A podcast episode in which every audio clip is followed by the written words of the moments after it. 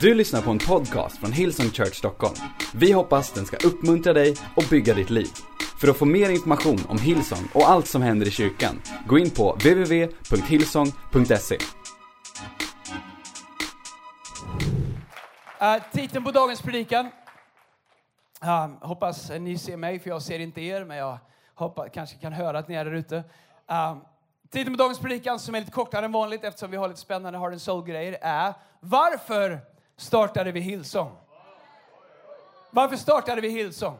Uh, jag ska inte göra en historiebeskrivning om hur vi samlades en grupp människor um, för um, ett antal år sedan. Vi firar som kyrka 15 år i oktober, vilket är helt, helt otroligt. Det är, det är de två längsta relationerna jag har haft med min fru. Vi har varit gifta 20 år nästa år och Hillsong 15 år i år. Uh, och uh, när vi startade så var vi bara en grupp um, naiva människor. Många sa att vi var blåögda. Eh, det trodde vi inte då, men det insåg att vi var. Och tack gode Gud för det. Annars hade ingenting blivit startat. Hade jag lyssnat på alla som förklarade hur omöjligt det är och att det inte går och hur mycket vi behöver och vad vi inte kan så hade vi eh, fortfarande bara varit en liten grupp som hade suttit på någon slags eh, ölcafé där vi hade söndagsmöten på Östermalm. Det var, det var, det var inte mycket, alltså vi, baren var inte öppen men, men det var, vi, det, vi hade inte varit någonting. Men du förstår, när vi startade vår kyrka så gjorde vi inte det för att vi hade en grym plan. Vi gjorde inte det för att vi kunde en massa saker. Vi gjorde inte det därför att vi hade gått alla, alla liksom träningsutbildningar och ledarskapsutbildningar som fanns. Vi gjorde inte det för att vi hade erfarenhet. Vi gjorde inte det för att vi hade eh, kunskap. Vi gjorde det för att vi hade en börda. Vi gjorde det för att vi hade ett kas. Någonting hade fastnat i våra hjärtan. Vi, eh, eh och jag har funderat mycket på det eh, sista månaderna. Jag kommer till det lite alldeles strax. Men låt mig ta med dig till Nehemja kapitel 2, vers 1. Där står det så här. Um, I månaden Nisan, under kung Artaxerxes 20 år. Det är inget namn du behöver kunna i Bibeln, men du kommer snabbare in i himlen om du kan det namnet. Det finns en special kö för alla som kan säga det utan att stanna upp. I hans 20 regeringsår, när vin serverades för kungen, tog jag vinet och jag gav det åt kungen. Jag hade aldrig förr, uh, jag hade aldrig förr visat mig nedstämd inför honom. Det är Nehemja som säger det om kungen. Men nu frågar han mig, varför ser du så ledsen ut? Du är väl inte sjuk? Det ser ut som du har hjärtesorg. Jag blev mycket rädd. Men sen svarar jag kungen, må kungen leva för evigt. Skulle jag inte se ledsen ut när staden där mina förfäder är begravda ligger i ruiner? När portarna har bränts ner? Vad önskar du nu? frågade kungen mig.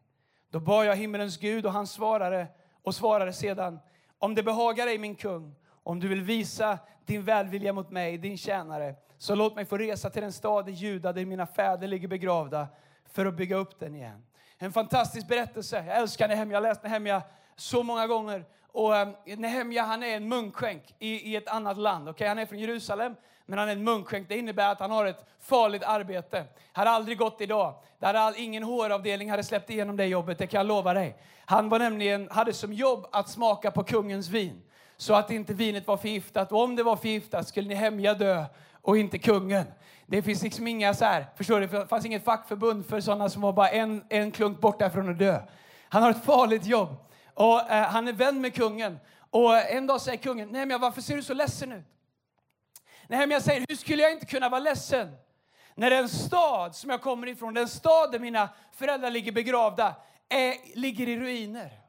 Varför låg Jerusalem i ruiner? Jerusalem låg i ruiner därför att murarna som hade skyddat Jerusalem var raserade. Det fanns ett säkert sätt att skydda en stad. Det fanns ett säkert sätt att bevara välgången och välståndet för en stad. Det fanns ett säkert sätt för att invånarna skulle kunna blomstra i en stad. Och det var att det fanns en fungerande mur. En stark mur runt om en stad. Okay? Och när man byggde staden så började man med att bygga muren så att man kunde skydda staden. Nu hade muren varit raserad och eh, flera olika folkgrupper, flera olika länder, flera olika kungar, flera olika rövarband hade plundrat Jerusalem, förslavat Jerusalem, mördat Jerusalem. Och varje gång det kom någon ny som ockuperade och plundrade och förslavade så hade Jerusalem inget försvar för att murarna var raserade. Så Nehemja säger till kungen, kungen om det är okej okay för dig så låt mig få gå och bygga upp murarna i Jerusalem. Så lovar jag att komma tillbaks och fortsätta sätta mitt liv på spel. Du förstår, det är någon typ av personlighet som tänker att det är rimligt för honom som aldrig har byggt murar. Han var, ingen, han var inte i liksom byggbranschen. Han ledde inte massa människor på en arbetsplats. Han stod hela dagen och provade kungens vin. Men det var någonting med honom som jag inte har tänkt på förrän jag läste det här. Att han hade någonting i sitt hjärta. Han, hade förmodligen, han var förmodligen wired på ett sätt där han var riskbenägen. Därför att om du vet att du är en klunk bort ifrån att bli förgiftad varje gång du vaknar på morgonen så har du någonting i dig som, inte, som har bestämt sig för att inte bara spela safe utan bestämt sig för att göra någonting. Och bara det att han säger till kungen att han vill få ledigt från att skydda kungen för att bygga upp murarna gör att han har lite guts. Jag har inte återhämtat mig rösten sen summer camp. Jag har inte låtit så här sen jag var ungdomspastor för 20 år sedan. Men det, det, var, det var det. Men du förstår, Nehemjan han är bedrövad. Därför att han ser sin stad bli härjad. Och på ett sätt så han inte har kunnat stoppa det. Så han drivs av ett kaos. Och jag tänker på när jag tänker på pandemin som har varit. Hur den slog till och det verkade som ingen hade någon broms. Det verkade som om ingen visste vad man skulle göra. Ursäkta mig. Det verkade som att allting bara hände medan alla tittade på. Jag hade människor som sa, nu måste man pausa kyrkan. Nu kan vi inte göra det vi har gjort innan. Men vi bestämde oss direkt att vi måste göra allt vi kan, även det som vi aldrig tidigare har gjort. Därför att vi startade inte den här kyrkan med ett löfte om att vi aldrig skulle få svåra år. Vi startade den här kyrkan därför att vi kunde inte stå och se på när murarna till generation efter generation var raserade så att fienden hade fritt spelrum och göra vad han ville med varje generation. Det står det hemma i kapitel 2 när han har samlat människor, vers 17, så står det så här, men nu sa jag till dem, jag måste dricka lite, det är inget heligt vatten här, det är bara vanligt vatten i vår kyrka. Så har han samlat människor, så när han har samlat dem så säger han, men nu sa jag till dem, ni ser själva vilken nöd vi befinner oss i. Jerusalem ligger i ruiner och dess portar nedbrända. Låt oss bygga upp Jerusalems murar igen så att vi kan få en slut på den här vanära. Van, slut på den här vanära. Sedan berättade jag för dem hur min Gud hade hållit sin goda hand över mig och vad kungen hade lovat mig. Vet älskare, han säger inte jag är bra på att bygga eh, murar. Jag har gjort det här innan. Jag har en jättebra plan. Han säger, vet du vad? It's alright. Gud håller sin hand över oss. Därför kommer vi kunna bygga upp murarna. Och då svarar människor, ja, låt oss börja bygga upp murarna, svarade de. Sedan satte de igång med det goda arbetet. Men jag älskar det. Vad är det vi gör i Hillsong? Vi gör det goda arbetet. Vi gör det inte alltid perfekt, vi gör det inte alltid helt genomtänkt, vi gör det inte alltid genom perfekta eller felfria människor eller, eller liksom helt liksom färdigtränade människor. Men vi har ett kas som driver oss när vi ser murar raserade och människor blir slaktade. Vi har ett kas som driver oss när vi ser Guds syften tryckas tillbaks därför att det finns ingen som står upp för det i, den, i det land som vi lever i. Vi, vi har en längtan efter och en tro på att Gud håller sin hand över det vi gör, även om det inte är fullkomligt. Och vi har definitivt en övertygelse om att vi är involverade i det goda arbetet. Vår kyrka drivs av ett kaos. Vår kyrka började med ett kaos. Det började inte med en plan, det började inte med en strategi, det började med ett kaos, med en brinnande djup längtan, övertygelse om att det här var värt att lägga ner sina liv i. Det här var värt att tacka nej till karriärer för. Det här var värt att investera allt vi ägde och hade i. Och älskade hem, jag i kapitel 4 och vers 6. Och så skriver han så här.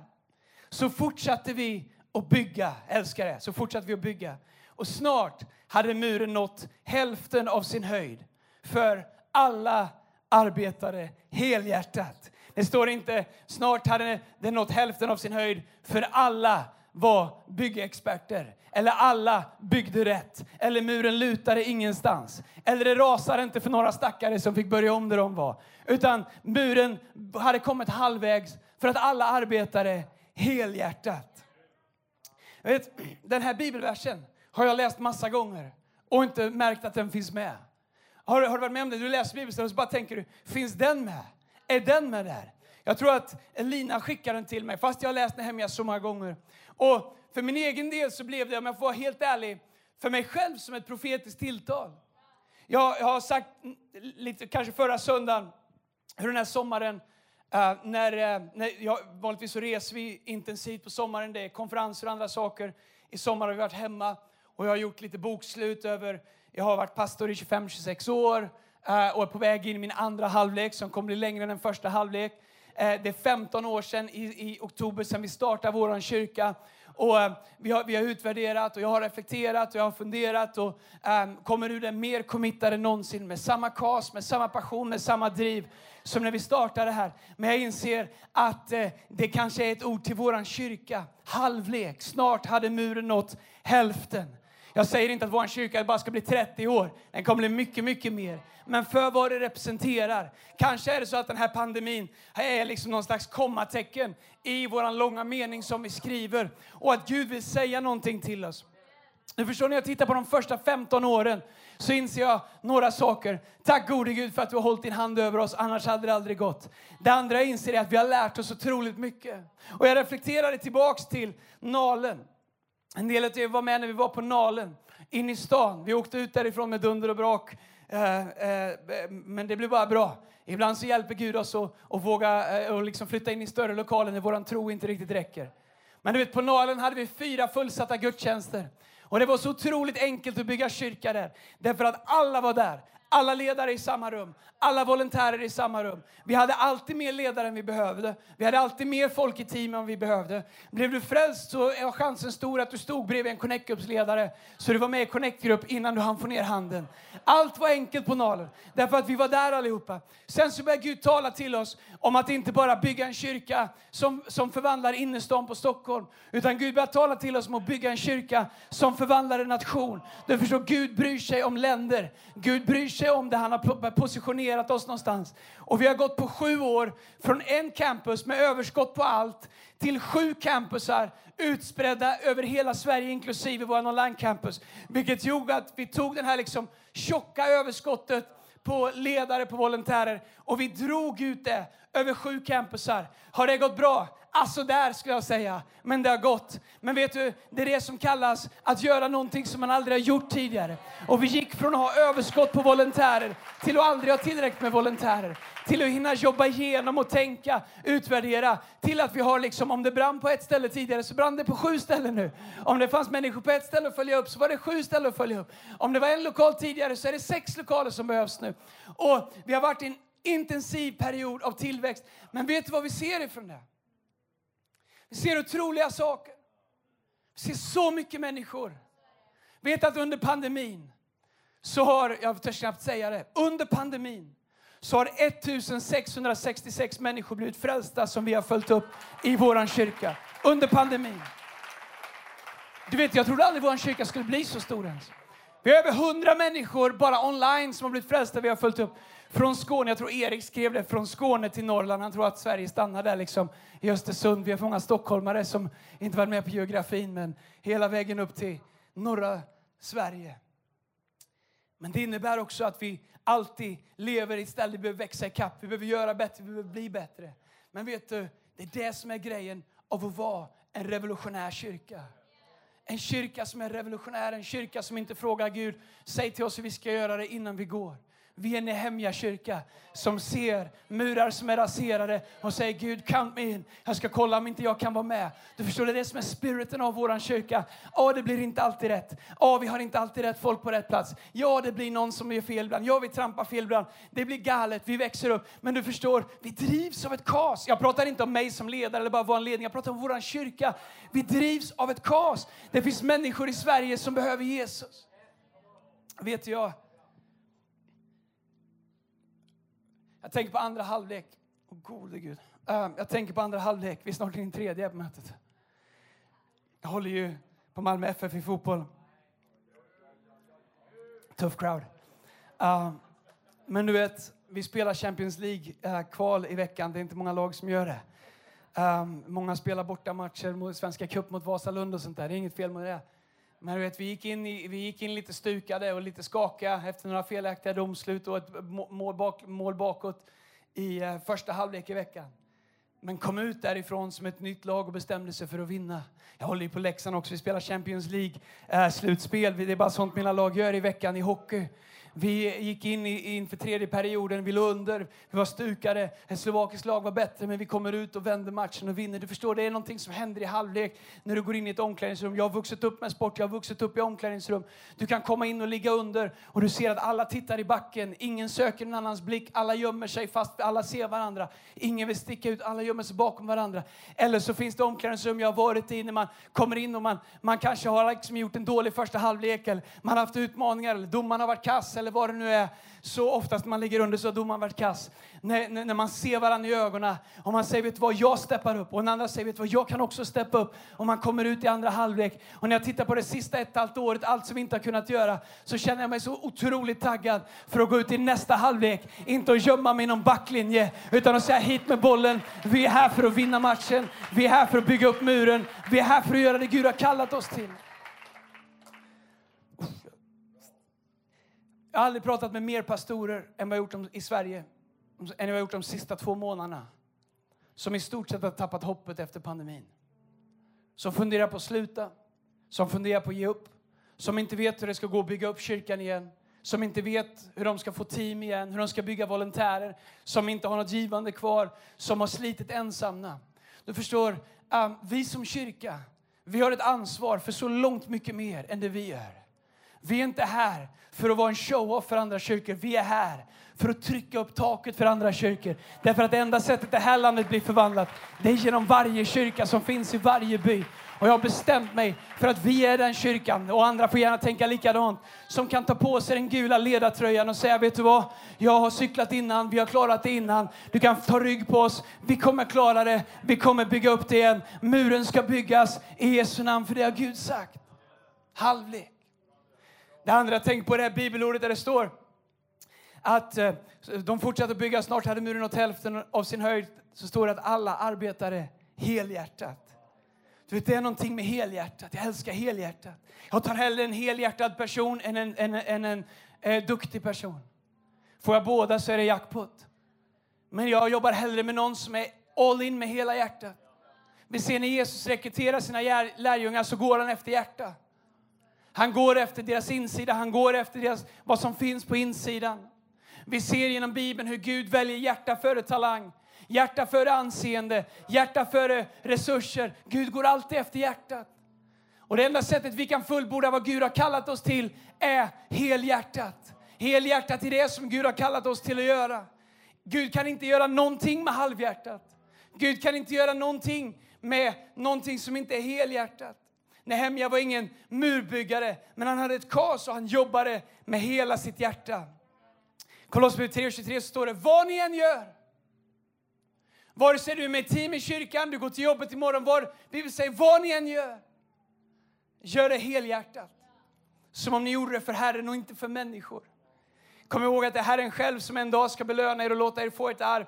Det är Herren Kristus Jesus ni tjänar så försöker de få Nehemja att komma bort därifrån, från muren. De försöker smida planer och få honom att pausa. De säger kom så träffas vi och diskuterar istället.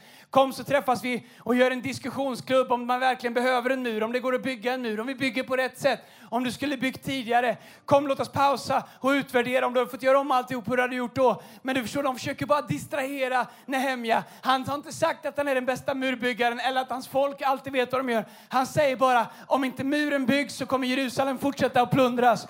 Och så säger han till Tobias Samballat när de försöker få honom därifrån, han säger, jag skickade bud till dem med ett svar. Jag har ett stort arbete. En annan översättning säger, jag har ett stort och viktigt arbete att utföra och jag kan inte komma.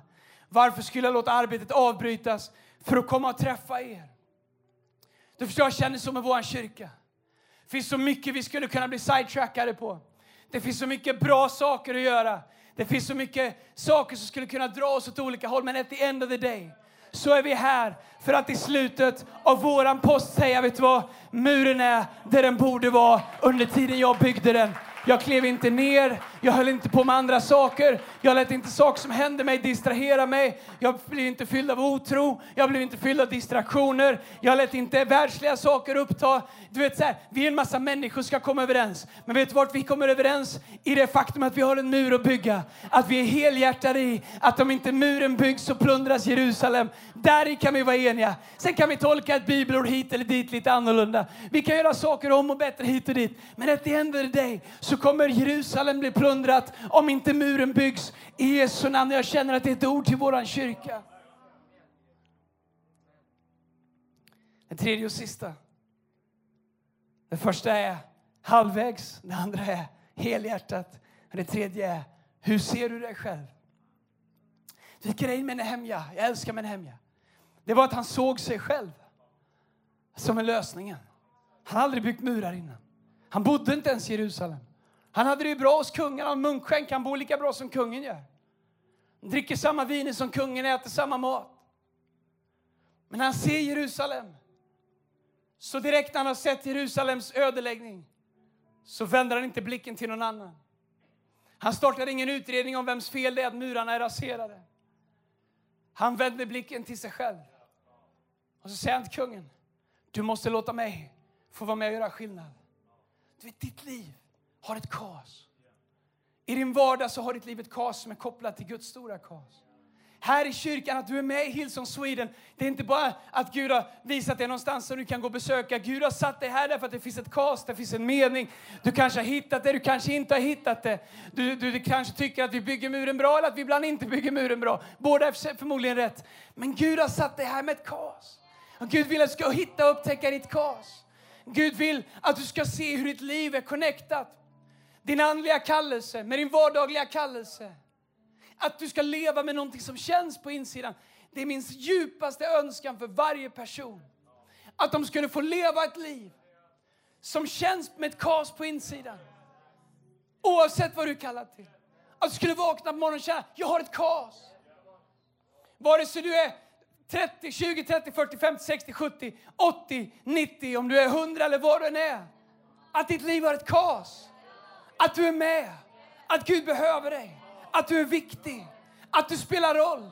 Att det blir ett hål i muren om du lägger ner dina verktyg. Att du behövs. Att ditt arbete på muren är connectat till din kallelse i, i vardagen. Jag säger, jag har ett stort och viktigt arbete att göra. Jag har studerat åsnor i sommar lite faktiskt. Jag har aldrig gjort det innan.